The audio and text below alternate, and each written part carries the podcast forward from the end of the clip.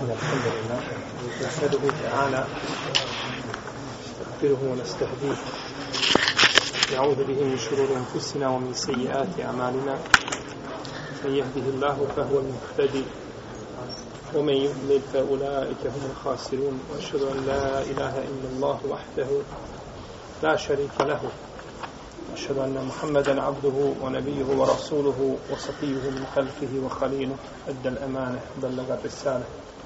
ونصح للأمة وكشف الله تعالى به الأمة. وجاهد في الله حق جهاده حتى أتاه اليقين. أما بعد فإن أصدق الكلام كلام الله تعالى وخير الهدي هدي محمد صلى الله عليه وسلم شر الأمور محدثاتها وكل محدثة بدعة وكل بدعة ضلالة وكل ضلالة في النار. أما بعد.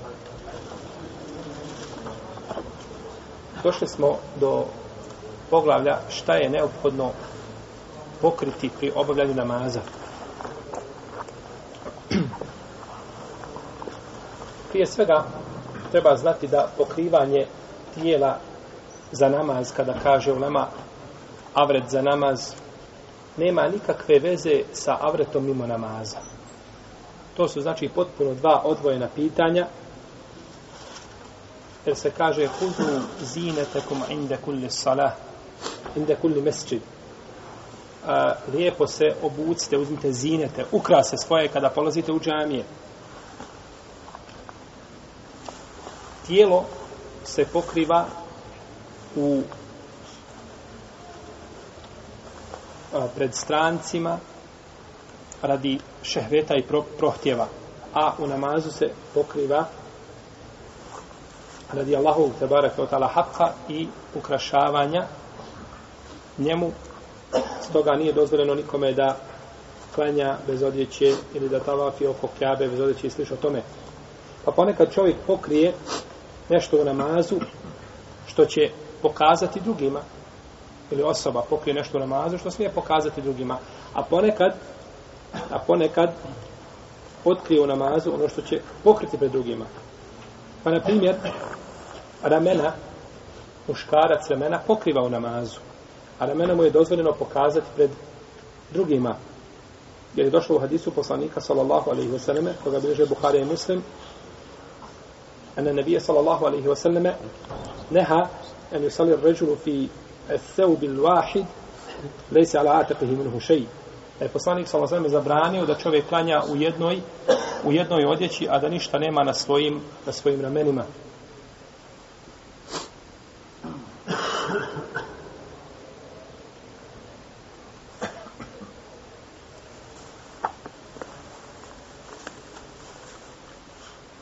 Isto tako, žena će u namazu pokazati, otkriti svoje lice i šake, a pokriće to pred strancima. Ovo je druga vrsta. Znači što otkriva u namazu, pokriva pred strancima. Prva je bila što se, šta? Što se pokriva u namazu, otkriva pred ljudima. Mori biti, znači, ovdje, a, znači, mogu biti stranci ili ne stranci, kad smo spomenuli prvi primjer. Šta je čovjek dužan da pokrije u namazu? Kaže poslanik sa osvijem u hadisu, koga bi država Mahmed, koji je vjerodostojan, a stvari svoj hadisu da je poslanik sa osvijem zabranio, neha, da ne bio sa osvijem jetufe, bil bejti, orijanen, da se tavafi oko kjabe bez odjeće. Jer to su pagani radili, to su znači bili postupci pagana.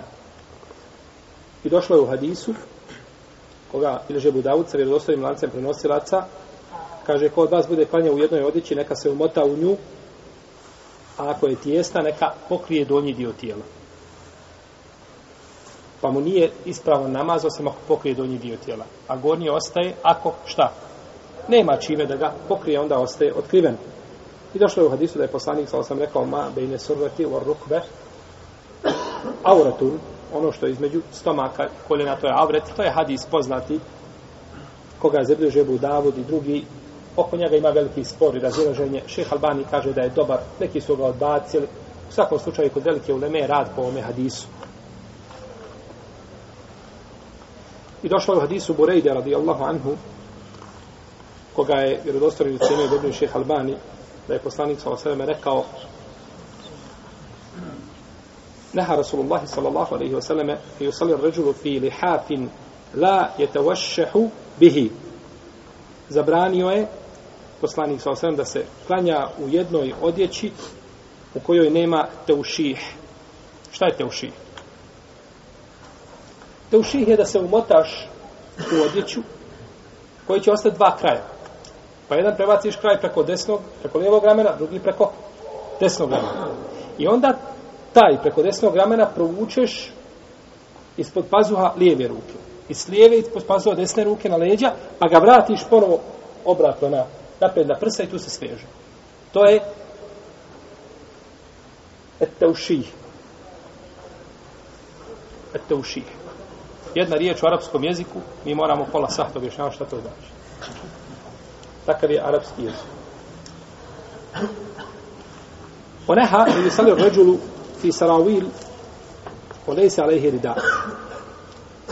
I zabranio je da se klanja u saravil, to su kao pantalone, donji dio, znači koji se oblačio u vreme poslanika za osaname, a da na gornjem nema ništa.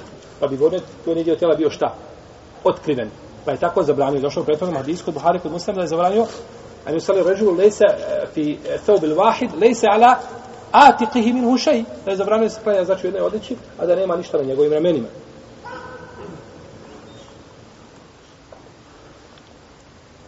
Pa je došlo u ome hadisu da je poslanik da je da je čovjek obavezan, jer poslanik kaže da je obavezno ovdje pokriti jeli, te dijelove. Čak i, e, i, i e, stegno kod uleme koji smatra da je e, a, a, a, jeli, avret. Čak ulema koja kaže da stegno nije avret, poput Ibn Hazma koji kaže da su avret samo a prednji i zadnji, eh, prednje i zadnje stidno mjesto, kaže, nema avreta mimo toga, koji ima najblaže mišljenje po ome pitanju, iako je eh, mišljenje džumhura jače ovdje, ovaj, a, kažu da to se u namazu pokriva. Na što nam ovo ukazuje? Da se avret u namazu razlikuje od avreta, znači pred, pred ljudima.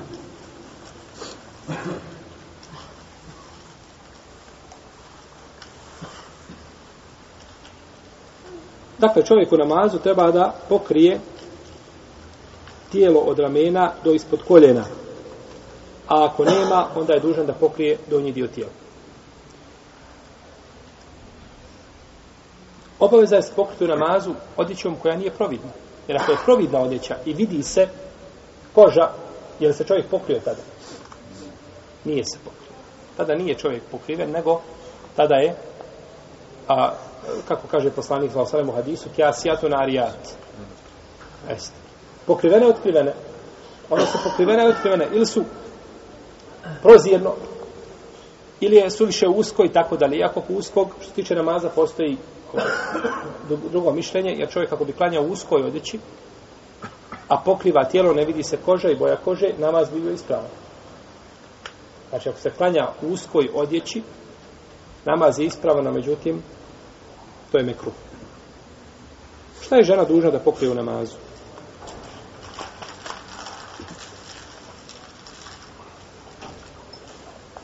Ako žena klanja u prisustvu ljudi, stranaca, treba da pokrije cijelo tijelo, cijelo svoje tijelo od glave do pete, osim lica i šaka po većini islamskih učenjaka. Znači pokriva cijelo tijelo, osim lica i šaka po mišljenju većine uleme, iako je vide stranci.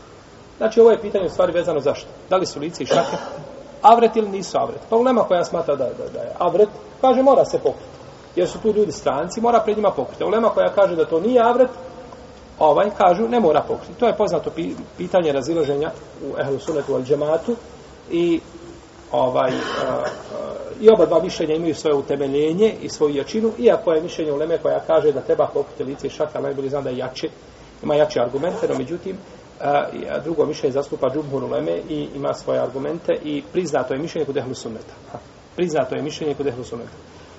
Šta je znači time kad kažemo priznato je mišljenje? Ko će mi kazati? Kako kažemo priznato mišljenje, a slabije, primjerno. Znači da nije mišljenje iznimno. Znate šta je iznimno mišljenje? Iznimno mišljenje je nešto što što nema nikakvog utemeljenja. Kada, na primjer, poslanik sa osam kaže ko bude želio od vas da zakolje udhiju, neka ne uzima od kose i od, i od, uh, i od noktiju. To je jedan učenjak razumio, od kose i od noktiju one udhije, ovce. Ne moje krati papke, ne moje, moje šišati. To je mišljenje šta? Iznimno. Jer nema nikakvog utemeljenja, niti je ko rekao prije njega, niti posle njega po tome mišljenju, pa se smatra iznimno. No, međutim, mišljenje o otkrivanju lica, iznimno? Nije iznimno. Nego ima svoje utemeljenje, ima ulemu koja je rekla i zato se tu važe šta? Odabir jačeg mišljenja. Odabir jačeg mišljenja, a sva ulema koja je rekla da nije ovaj uh, avret lice imaju nagradu, kao i ona koja su rekla da, da, da jeste, imaju nagradu, međutim stvar tuži između čega? Jedne i dvije nagrade. Neko je pogodio, neko nije pogodio, pa je, e, zbog toga je, braćo, ovo bitno. Da ne smatramo pitanja kod kojih postoji razilaženje među islamskim učenjacima, da je to novotarija ili da je to iznimno mišljenje, tako da ne, to je mišljenje Hosuneta, priznato, duži smo ga cijeniti, a ne moramo šta? Raditi po njemu. Ako smatramo da drugo mišljenje ima jači argument. I tako se čuva bratstvo muslimana, i tako se čuvaju mišljenja naših islamskih učenjaka i čuva se hudmet naše uleme. Dakle, po većini uleme ne mora pokriti lice i šake u prisutu stranaca, dok po drugoj ulemi mora pokrivati, to je mišljeno dobro Ibn, Ibn Tejmije, Ibn Kajimi, eh, Ibn Hađar Skalani, Ošafijski pravnika i brojni drugi odabrali su zastupali, zastupali to mišljenje. Ako nešto pokaže pred strancima, pred kojima je duža da se pokrije u namazu, pokaže nešto svoga tijela što je duža pokriti, po jače mišljenju kod islamskih učenjaka, namaz će biti ispravan, ali ona šta? Griješna. Ona je griješna. Jer nema jasnog argumenta koji bi ukazao da to kvari namaz.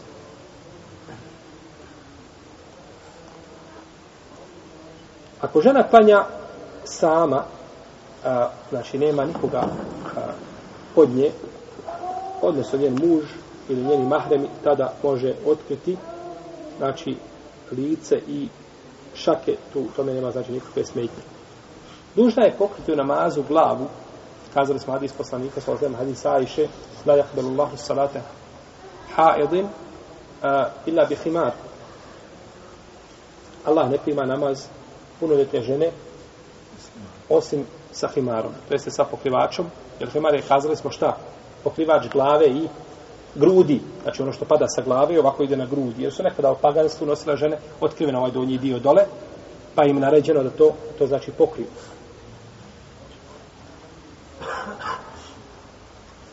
Kaže, imam tirmizi ovaj hadis, iako mu je neko prigovorio od uleme, ima znači prigovora o ome hadisu, šeh Albani ga je prihvatio, no međutim neki su ga drugi odbacili, uglavnom, kaže, imam tirmizi, iako ovaj hadis, iako je slab, uh, uh, ulema radi po ome hadisu.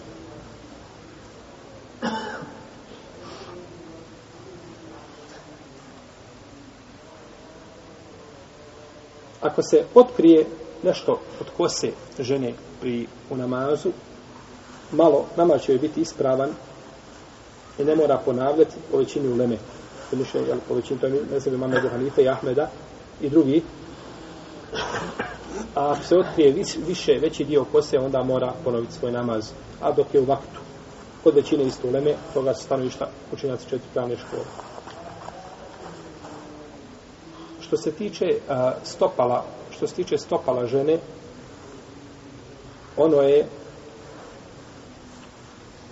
avret u namazu i mimo namaza. Iako ovdje postoji razilaženje veliko među islamskim učenjacima,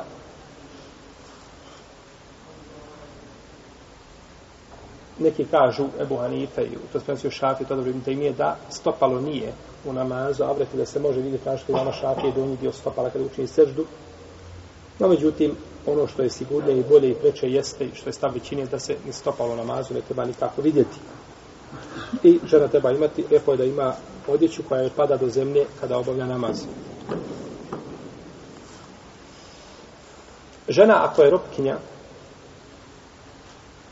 ona je u namazu kao i slobodna žena. Isto u namazu, samo što ne mora pokriti glavu.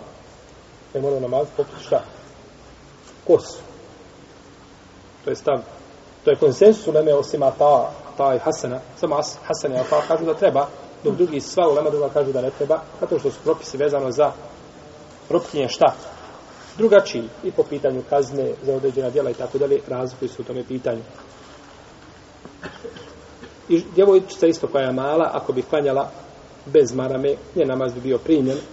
Je došlo kada Burazaka u njegovom sanneku sa vjerodostanjem lance prenosilaca od Ibnu Đurejđa da je rekao Alpau, ako kaže djevojčica koja je mala i nije dobila još mjesečnicu, ako klanja bez, kako će klanjati, kaže, haspuha i zaruha, dovoljno je znači da pokrije samo tijelo svoje, ne mora držati prije od glave. Ako se otkrije neki dio tijela u namazu bez avreta, bez a, a, namjere da se to uradi. Znači nije čovjek namjeravao da se to uradi. To se često dešava, to možete vidjeti često na ljudima, znači našto leđa da se vidi ili, ili više od toga, što ponekad biva i pogrdno. I nažalost za ljudi ponekad znaju za to i ne vode računa. Znaju i ne vode računa. Džumur Uleme smatra onaj kome se otkrije avret, nešto od avreta u namazu, iako nije ciljao to da mu je namaz pokvaren. Da mu je namaz pokvaren. Ako to ne pokrije, odma dok mu se otkrije. Znači, ako mu se otkrije, to je bilo nehoce.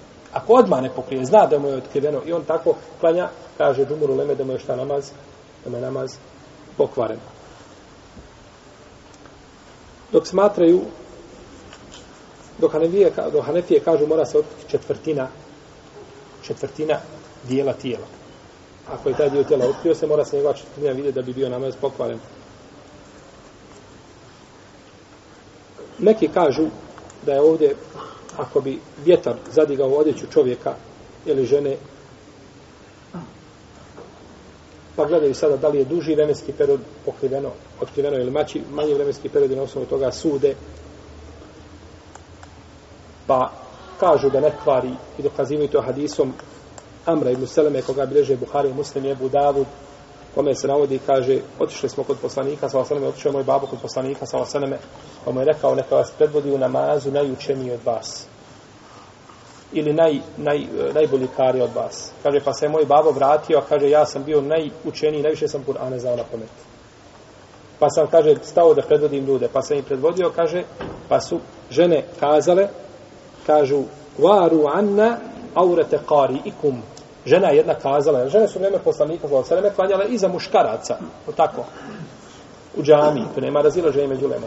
pa pa pa je rekla da žena pokrijte kaže stidno mjesto vaše karije zastrte ga od nas da ga ne vidimo kaže pa su mi kupili jednu jedan ogrtač iz Omana kaže nakon islama ničem se više nisam obrnuo što me ogrtač To je bio najdraži poklon što sam mogao dobiti. Pa su ga pitali koliko je tada imao godina, kaže sedam ili osam. Sedam ili osam godina i predvodio je ljude u namazu i ovo uzima ulema za argument koji kažu da može dijete koje je maloljetno predvoditi u namazu i to je mišljenje jako. Ako slučaju možda, ako dođemo do njega, pričat ćemo. Dakle, ovo je jak argument, znači vidimo eh, koliko je bio, znači, ovaj, sedam ili osam godina znači da je bio najučeniji što se tiče Allahove Žešanu knjige, što ukazuje na šta?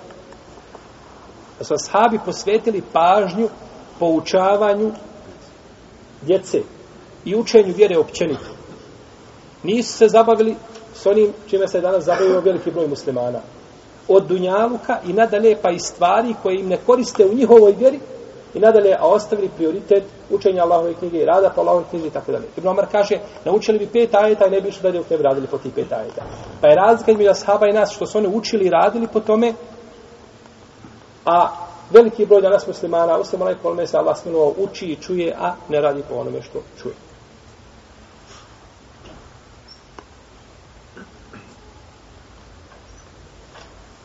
Čovjek koji nije u stanju da pokrije svoj avret, sa njega ne spada obaveza namaza. Bez obzira što nisi u mogućnosti pokriti svoj avret, ne spada sa tebe obaveza namaza. Moraš klanjati. I tu nema razilaženja među lemom. Samo se razilaže kako ćeš klanjati. Kako će klanjati čovjek koji nema nikako odliče. Možda da za čovjek nema odliče. Može. Zar nije Musa, ali i salam, otišao na kupanje, pa mu neko uzeo odliče. Nije neko, nego kamen.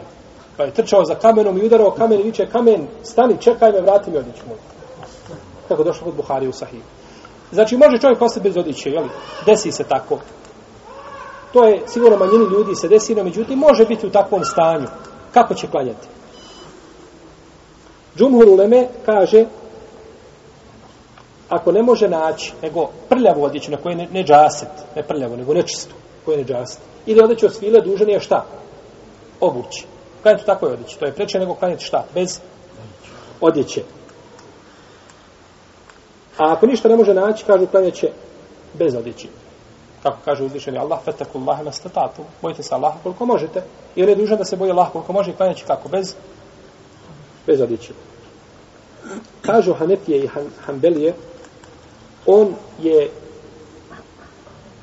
u stanju da izabere, ili može izabrati, hoće klanjati od sjedeći do stojeći. I neće činiti seđde i rukua, nego će klanjati pokretima glave, samo glavom, kao kad se klanja kao klanja bolesnik ili kad klanja čovjek koji je na jahalici, tako da je znači samo glavom čini šta? Ruku i sežda. Štim ko sežda bivaju dublje, niže, kako hoćete jest. Klanja se znači na tačin dok malikije kažu i šafije mora klanjati stojeći i nije dozvoljeno da sjedne. Jer on je u stanju da stoji, a stojanje je jedan od ruknova čega?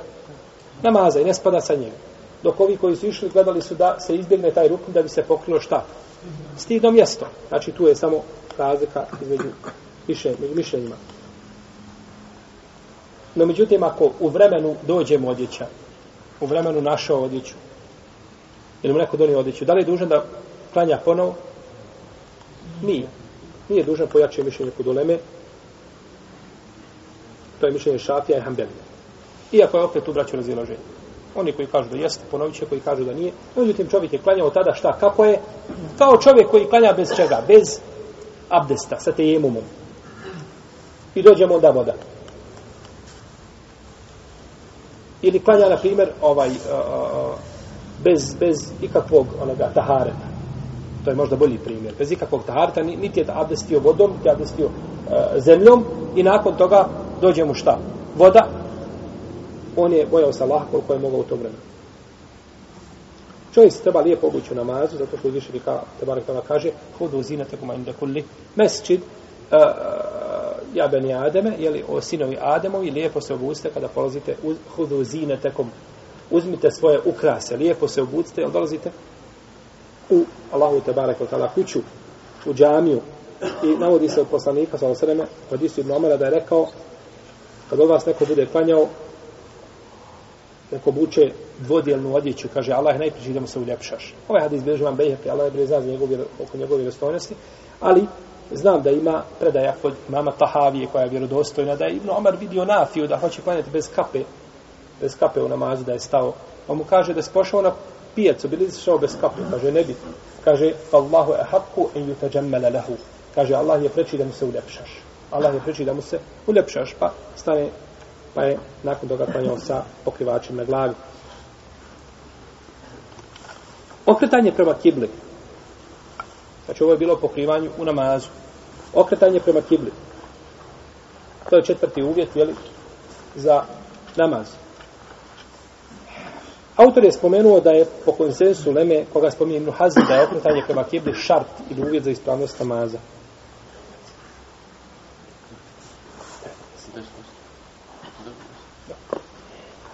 Da je to, šta? A, a, po konsensusu Leme da je to uvjet za okretanje a, okretanje jeli, prema kiblu namazu. Ja sam našao još kod Ibn Abdel Bara u Temhidu, isto tako kod imama Kjasanija u Bedaju Sanaja i u Fethul Bari od Ibn Hajara i kod Neuja al Međmua i kod e, Ibn Rušta u Bidatul Murštehid i kod brojni drugi da spominju konsensu na po ome pitanje. Dakle, nema razilaženja šta? Da je a, pokrivanje ili okretanje oproste prema kibli u namazu jedan od uvjeta ili šartova za njegovu, za njegovu ispravnost. I na to ukazuje ajet te voli vočake šatra il mesečid haram i okreni se prema strani na kojoj je znači časni hram. I došlo od Isu ibn Omara kod Buhari kod muslima da su ashabi klanjali mesečid do Kuba bili su u Kubao, jeli, pa da je na namazu. Sabahu došao jedan vlasnik pa rekao, ove noći poslaniku, sa osanem objavljen Kur'an i naređeno je da se okrene prema Kjabi, pa se okrenuli, a bili su okrenuli prema Šamu, pa se okrenuli prema Kjabi. To je, bio, to je bilo okretanje za 170, 180 stepeni. Znači, jer Šam i Kjaba budu, znači, od dvije suprotne strane. Pa su se okrenuli i nisu prekidali namaz. Šta je bilo sa imamom? Klanju u zadnjem safu. Sam. Prošao ime safova. Prošao ime safova da pređe ispred ljudi, da ih predvodi. Znači vidimo kako su sahabi poslanika sa osam razumijevali vjeru. Da mislim da se kod nas desi tako u jednom prilike u džami i tako nešto. Izlazili ljudi kroz prozore i na vrata i svukuda bi bilo. Kod da sahaba nisi okrenut prema kibli, gotovo, sad je promjena. Za nje je bila kibla do tog momenta šta? Bejtul Maktis. I nakon toga nije više. Iz tog momenta kad saznao okreni se i rad dalje i završena, završen, znači, završen problem. Pa vidimo, znači, a kako Allah šanu odabrao ashabe, znači generaciju koja je najbolje razum, najlakše razumijevala vjeru i zaista uputa ashaba poslanika znači najbolje znači govori kako se treba razumijevati din. Isto tako hadis El Musi salatu a, u kome spominje ugledanje ili, ili ovaj sljeđenje poslanika sa osvijem u načinu obavljanja namaza pa je došlo od Ebu Hurere kod Buharije kod muslima da je poslanik sa osvijem bio u džamiji Pa je ušao jedan čovjek i klanjao, pa je došao i posalamio poslanika sa osvijem. Pa je dva rekiata. Pa kaže mu poslanik sa osvijem wa alejke selam, irđija fe salli, fe inneke lem tu salli. Kaže, tebe neka je selam, kaže, idi vrat se, klanjaj, ti nisi klanjao. Pa je otišao tako dva ili tri puta, pa kaže, Allahu posljedniče, ja ne znam, pouči me. Svaki put ga vraća, vrati se, pa klanjaj, ti nisi klanjao. Zato vraća što je brzo klanjao. Zato što je brzo klanjao, nije znači u potpunosti potpunjavao, pa mu kaže poslanik sa osaleme, kada kaže, a, kada hoćeš da obaviš namaz, uzmi abdest, okreni se prema kibli, ha, evo dokaz, okreni se prema kibri, donesi tekbir, potom uči ono što ti je lahko iz Kur'ana, potom učini ruku, potom se smiri na ruku, potom se vrati sa rukua i ispravi se mirno, smiri se potpuno. Ha, Ne vrijedi samo ono ubadati. Znači, samo da čovjek ide, gimnasticira, ne može tako, odeš na ruku i smiriš se potpuno ruku, pa se vratiš sa rukua i potpuno se smiriš sa rukua, kažeš se mi Allahu liman hamida, Rabbena lekel hamd, hamden kethiran, tajiben, mubarake fi, bar tako, ili da kažeš samo Rabbena wa lekel hamd, a ti smiren. I onda tek nakon toga ideš ponovo na seždu, pa kada pa se smiri na seždi, pa se vrati, pa se smiri između dvije sežde. Nemoj između dvije sežde samo se vrati opet na drugu, nego vrati se i sjedi mirno. Smiri se, za koliko možeš reći, robbi gfirli, robbi gfirli. I onda opet učiniš. Tako znači da se pravi, e, tako kaže poslanik sallallahu alaihi sallam, kaže i kad tako uradiš, uradi, kaže tako na svakom rekiatu. Uradi tako na svakom rekiatu. Ovdje ima jedna korist koju spominje, sećam se Ibn Kajim. Kaže, ovaj čovjek što je ušao, klanjao je dva rekiata pa došao po salamiju poslanika sa osram. Kaže, iz ovoga se uzima pravilo da čovjek kada uđe u džamiju, ima neko u džamiju, hoće da se, i vidi nekoga, neka prvo klanja dva rekiata pa neka ga poselami. Prvo tehijetul mesčid, pa onda šta? Onda selam. Iz ovoga sad.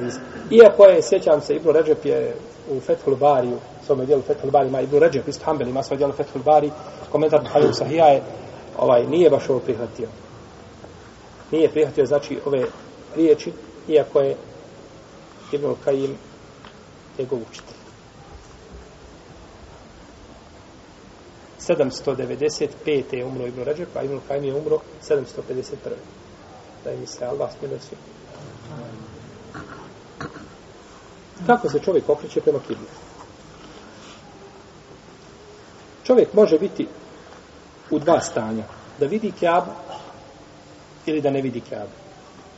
Čovjek koji se nalazi i vidi kjabu, nalazi se u Al-Mesridu Al-Haramu i vidi kjabu, dužan je da se okrene prema kjabi svojim tijelom. Jedne sam prilike klanjao na podijumu kjabi, čovjek klanja, kjaba ovako, on klanja ovako. La haule vela kuvvete ila bila. Pa dobro živ bio, vidiš li je? Vidiš li je kolika je 10 sa 12 ili kolika je već i promašio si je, a nemaš do nje 30 metara. Pa sam mu rekao, kaže šta ću, ustani ponovo klanjaj. Nema razilaženja da nema zbatil.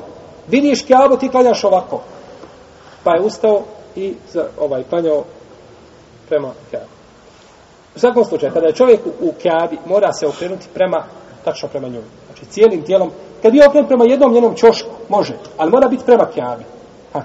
Ne mora biti na sredinu, ali mora biti da tuče u kjabu. Ne braćo mesi, el mesudul haram, džami, okno, to nije kjaba. Kjaba znači unutra, ona crna, što ima na sebi odjeću, što je obučena, fino. E ona je, prema njoj se ljudi okreću. Ili dugo da ne vidi kjabu. Pa onaj ko ne vidi kjabu, dužan je da se okrene prema toj strani. Znači, znaš da na ovoj strani okrećeš se prema... Jer ne moguće da čovjek pogodi kjabu u koliko?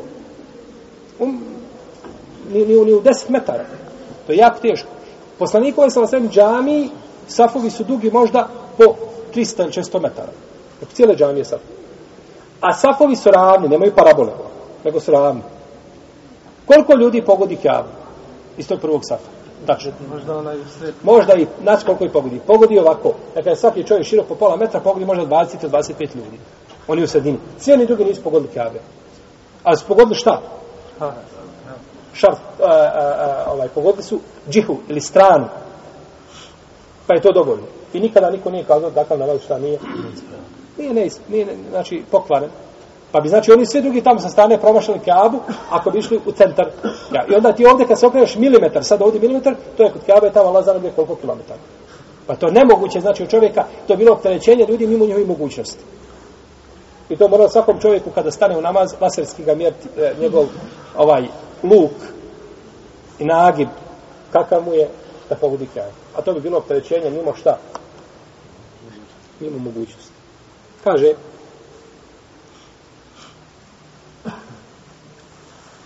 uzvišen Allah kaže a, okrenite se prema strani šatre al masjid haram znači prema strane koje se nalazi.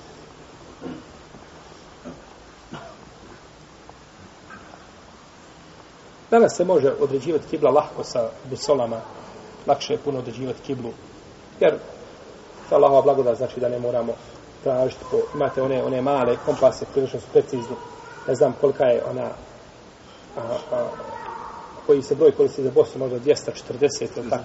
Koji? 255. Dobro, uglavnom znam ovaj, da, da se razlikuje. 250. Razišla se. U svakom slučaju ima tamo.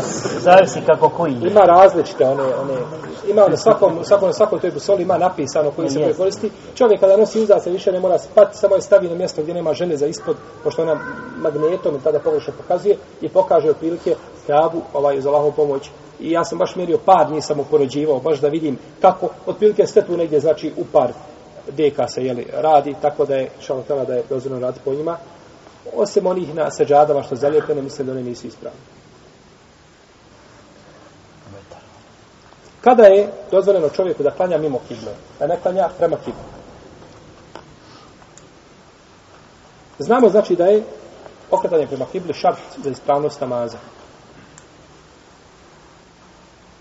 No međutim, ponekad, braćo, ovo okretanje prema kibli spada. Neće biti obavezno.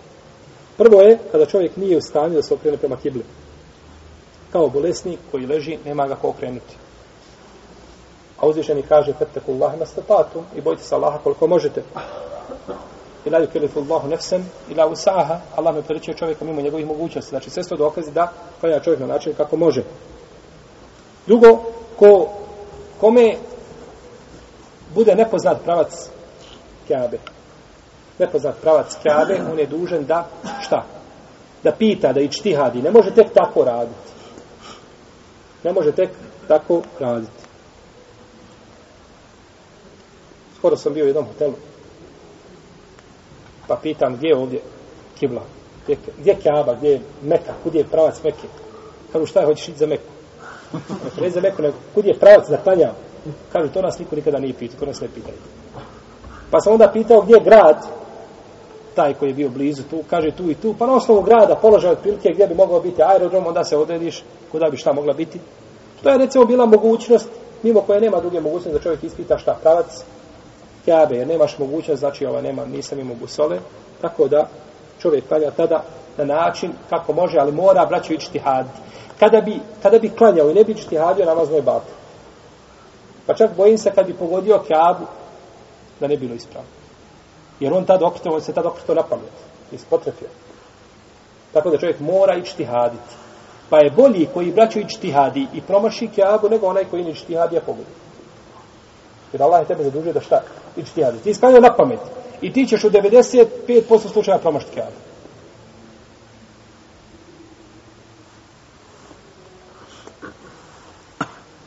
Znači, ko ne zna, nakon gdje, gdje je Kaaba i u kom je pravcu, treba klanjati, treba ići klanjati kako može i nakon toga bit će mu namaz ispravan.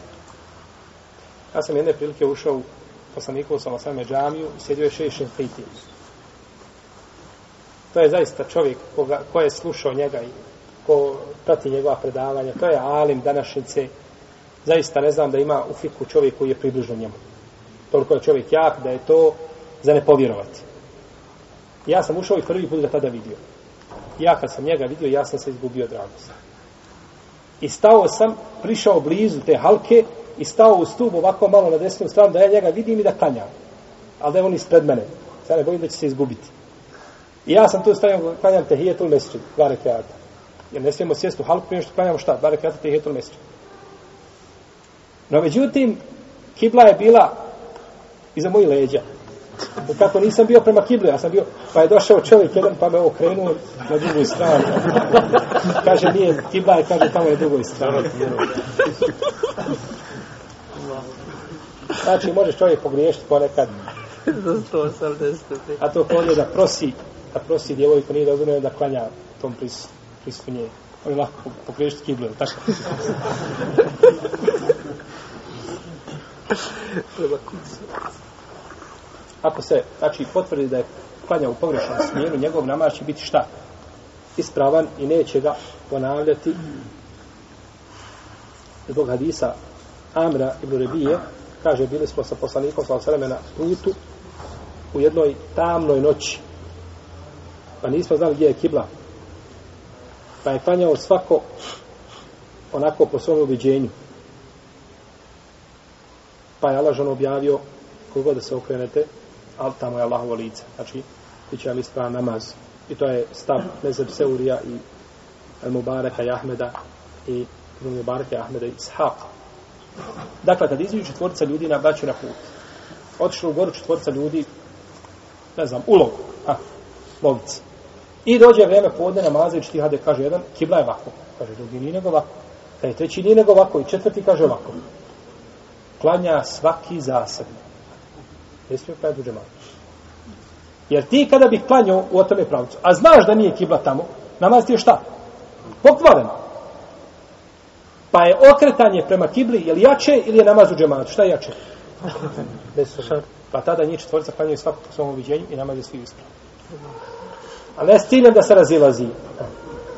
Nego sam, ne, ne, nego, zaista tako i štihade, svako je dužan da klanja šta? Po svome uviđenju. Jesu.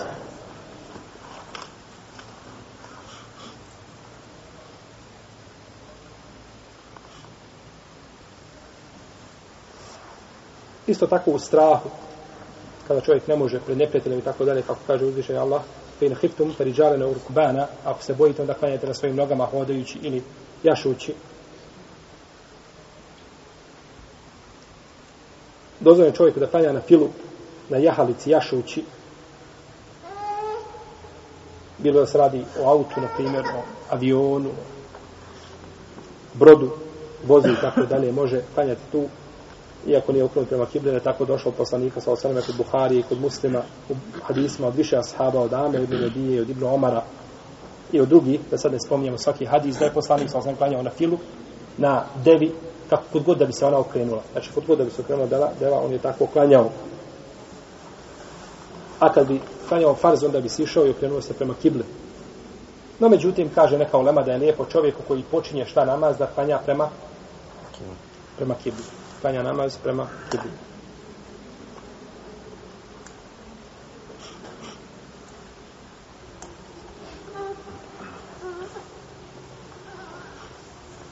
Jer je došlo u jednom hadisu koga je dobrim ocenio šeh Albani, kod je Budavu da i drugi da je poslanik sa osreme, kad bi klanjao na filu, da bi se okrenuo prema kibli, da se okrenuo prema kibli i potom nastavio dalje namaz.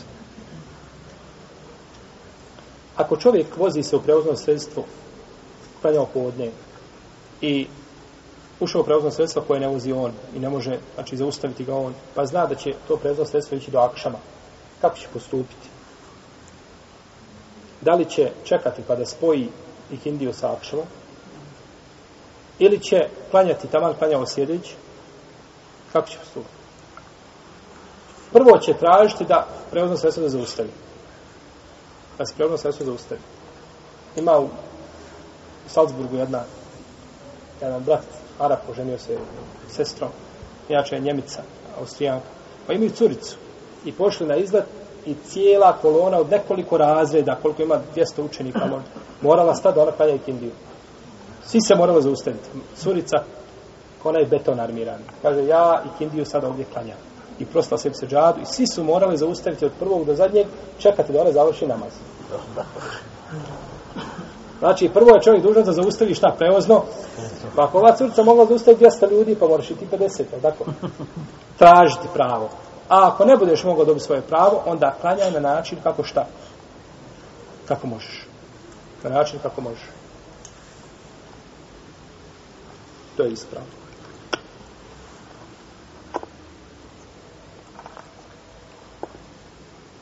Ostaje nam a, pitanje nijeta, čemu ćemo govoriti inša Allah u našem narednom krugu. Allah ta'ala. Sallallahu ala nebina Muhammed. Ali wa. Ja bih pitanje malo prolongirao, pošto sam mislio progovoriti jednoj drugoj stvari kratko. Već neću se ovaj izdržavati, uglavnom mislim da je ovaj a, nužno da progovorimo. Mi imamo, braćo, ovaj, ponekad u našoj davi problema koje mislim da sami zazovemo. Sami ih isfabriciramo. Svjesno ili nesvjesno napravimo sebi i drugima problema. Pa je nužno kad se neki problem pojavi da se ljudi vrate Kur'anu i sunnetu i da se vrate posebno znači našoj ulemi da vide kako su oni radili. Pa ćemo vidjeti i naćemo kod nas da ponekad imamo postupaka kada bismo živjeli životom Nuha, ali i vrtili po hadijskim zbirkama, jednoj po jednoj, nikada ne bismo našli da je neko od uleme tako nešto možda uradio ili kazao ono što ćemo mi, ono što ćemo mi uraditi ili kazati. Pa je neminovno znači da se vratimo na tu praksu.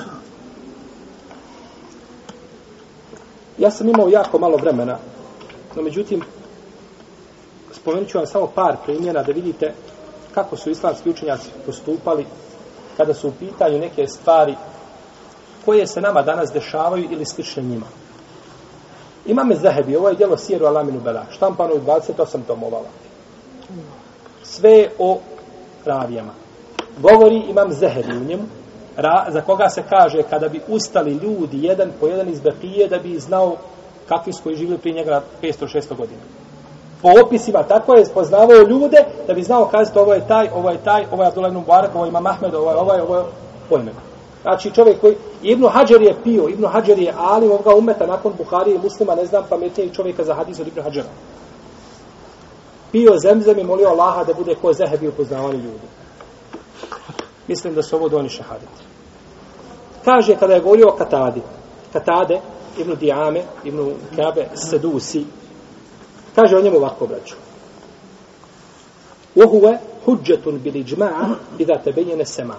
On je huđet i dokaz ko sve uleme ako se potvrdi da je čuo drugog. Jer je bio mudelis, bio je obmanjivao je preprenošanju hadisa. Kaže ovako, u okeane jeral kader. I kaže, on je bio kaderija. Ha, bio je kaderija. Pa kaže dalje, nes'elu Allah al-afwa. Molite Allaha za oprost.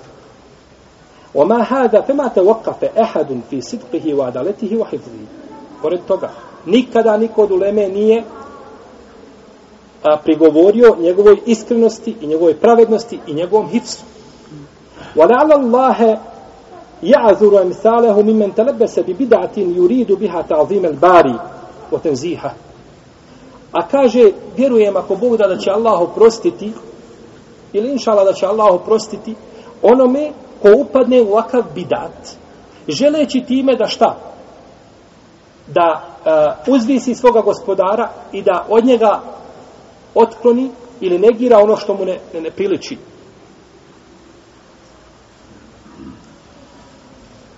Potom kaže ثم إن الكبير من أئمة العلم إذا كثر صوابه وعلم تحريه للحق واتسع علمه وظهر ذكاؤه وعرف صلاته وروه واتباعه يغفر له زلله Potom kaže, velika ulema, koji imaju puno pogodaka u svome ištihadu,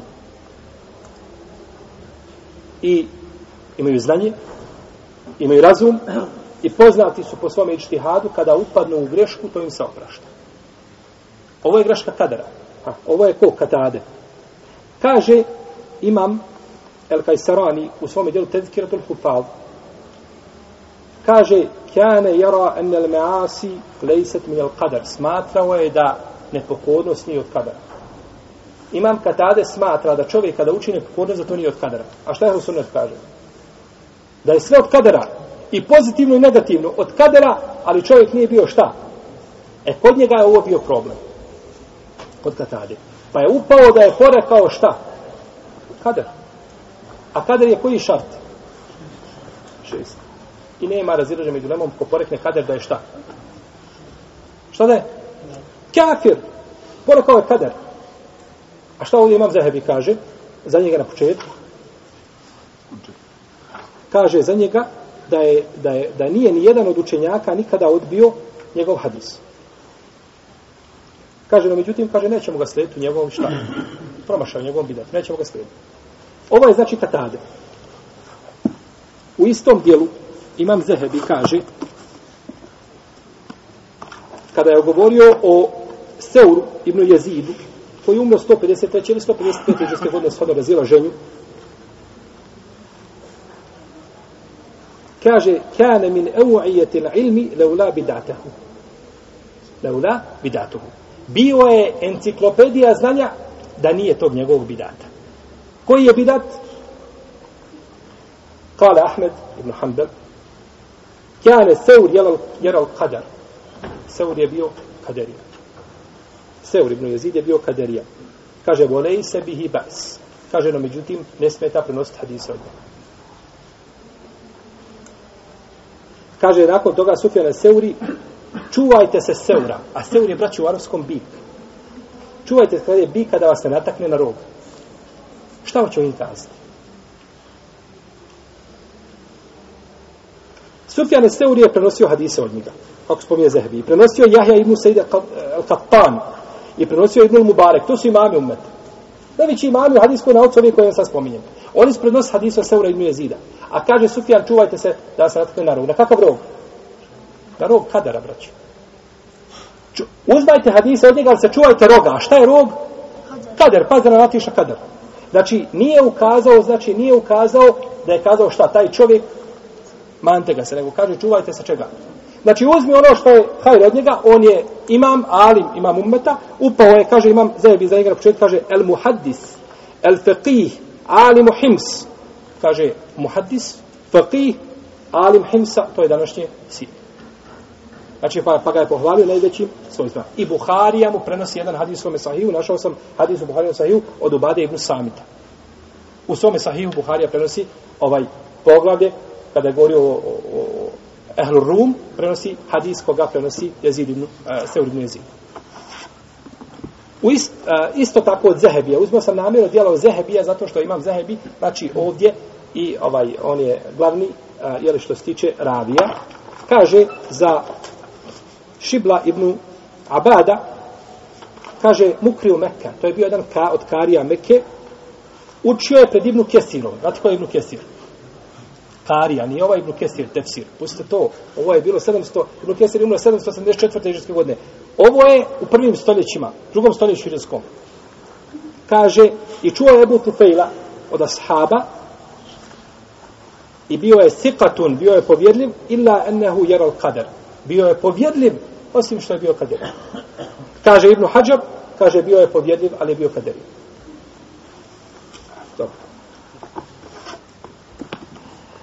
Ovo je šerhu sura etikad ehli sunnetu wal džema'a od imama El Alekaja. Ova je knjiga štampana u devet tomova. Ovdje je spominjao Ebu Seura. Jeste čuli za Ebu Seura? Spominjali smo ga x puta. Ebu Seur. Ima Sufjane Seuri, Sufjane Seuri. E, imamo Ebu Seur. Kaže, pazite šta kaže Ebu Seur, Ibrahim ibn Khalid. Kaže, inel kaderijete. Men kale inna Allahe lem jahluk efa'ila l'ibad. Kaderije su oni koji govore da Allah nije stvorio djela ljudi. Wa enel me'asi lem yukaddiruha Allah ala l'ibad. Volem jahlukha. I da nepokornost Allah nije stvorio. Ha, isto ko što kaže ko? Katade koga spominjali. Fe haulaj kaderije. Laju salla halfehum. To su kaderije. I za njih se ne klanja. Wala yu'adu meriduhum, Wala yu'adu meriduhum I neće se obilaziti onaj ko je bolestan od njih. Niti će im se prisvat njihovim dženazama.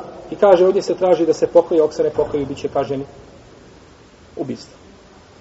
Šta kaže za kaderije? Kaže neka ulema, kako došlo u istom dijelu, kaže, nemoj im počinjati sa selama, ako uzmati selam, recimo, u alejke. Znači, hoćeš ukazati ti ljudi šta nisu od, od dina.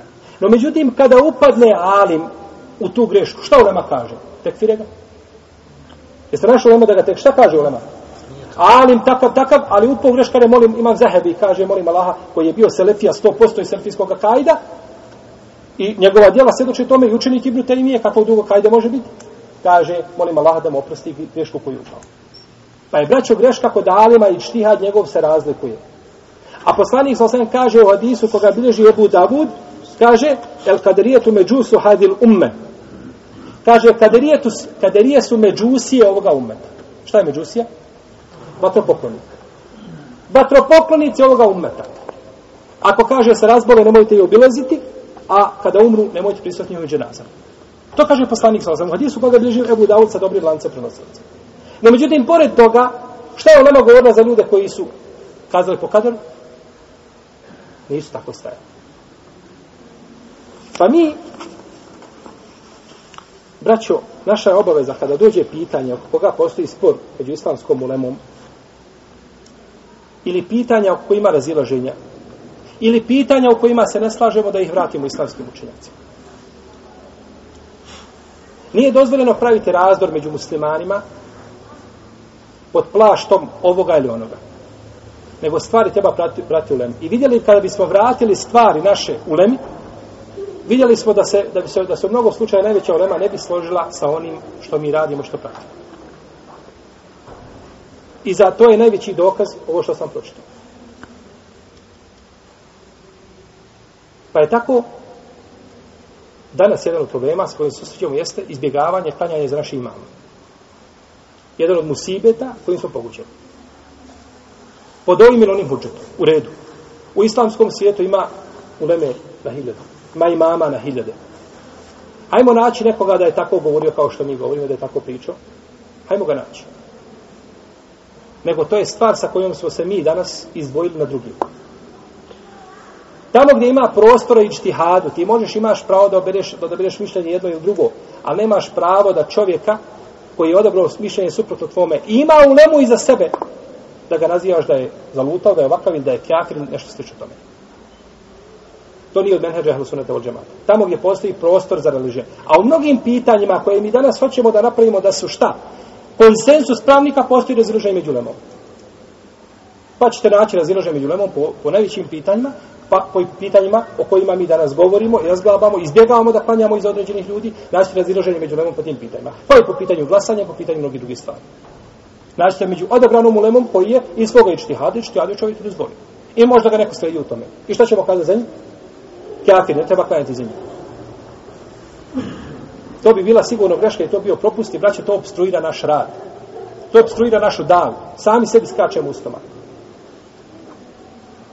U ovoj Bosni ovdje ima stotine ljudi ili stotinu ili manje koji izvrše šredske fakultete. Ko zastupa takva mišljenja? I ko govori po takvim mišljenjima? I ko poziva takvim idejama? Problem je najlakše napraviti. Ali problem kad se napravi treba ćeš desetine godina da ga izlečiš i da prevaziđeš problem koji ti nastao. A napraviti ga možeš za dan jedan. Za dva dana ga možeš napraviti. I onda ćeš sve ono srušiti, sam se brežeš granu na kojoj sjediš. Gdje nam je selef? U onome što mi radimo.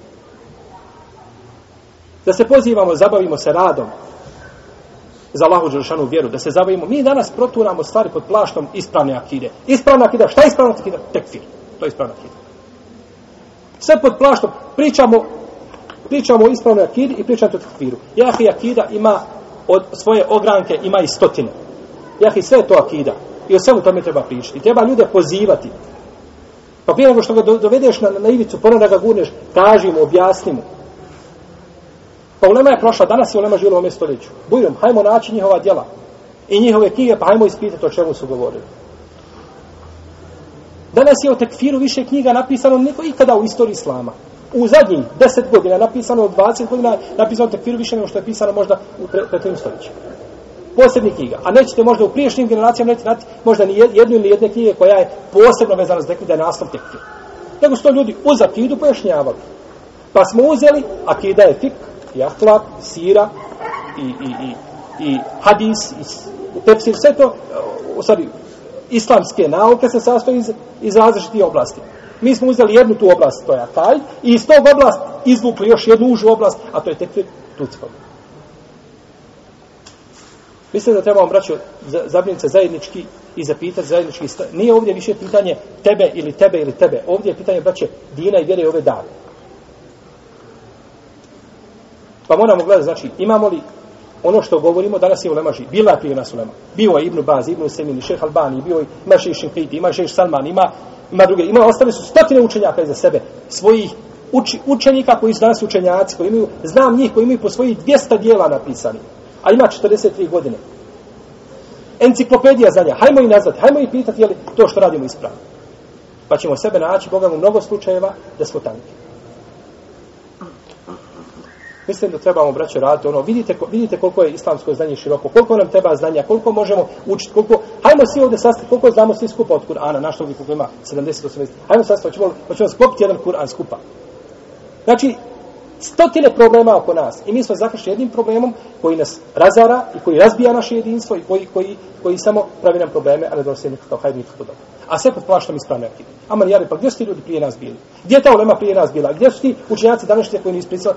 Pričaju te iste stvari koje vi pričate. A u svakoj zemlji ima tih koji glasuju, koji, koji, ovaj, koji se ponašaju kao što se ponašaju možda muslimani u Bosni tako. Molim Allah da barek da nas htio sam ukazati braćo na ovu stvar, jer ovo je zaista problem koji se susrećemo. I mi moramo gledati da ga zajednički rješamo. I da izbjegavamo sve ono što šteti ovoj dani. Pa je obaveza na svakom od nas da razmisli o stvarima. Ako nešto nije jasno, u Bosni ima učenih ljudi, ima daija, ima ne mogu kazati uslovno u leme, jeli, za podneblja u kojima žive i tako dalje, da se dođe, da se priča, da se savjetuje. Nikad jedan čovjek, nikada ne može jedan čovjek, bez one o kome se radilo, ne može vidjeti kao što može vidjeti drugi 10, drugi 20, drugi 30 i tako dalje, pa da se sastavi, pa da svi podjedinimo naše snage, a ne da se ide samo glavom, znači kroz i da se tuče, pa kako god da završilo. Molim Allah, že ono da jedini naše srce, da popravi naše stanje, jedini na istini, na hak. Allah, ta'ala, alam, sallallahu ala rabina, Muhammed, wa ala alihi wa sahbihi,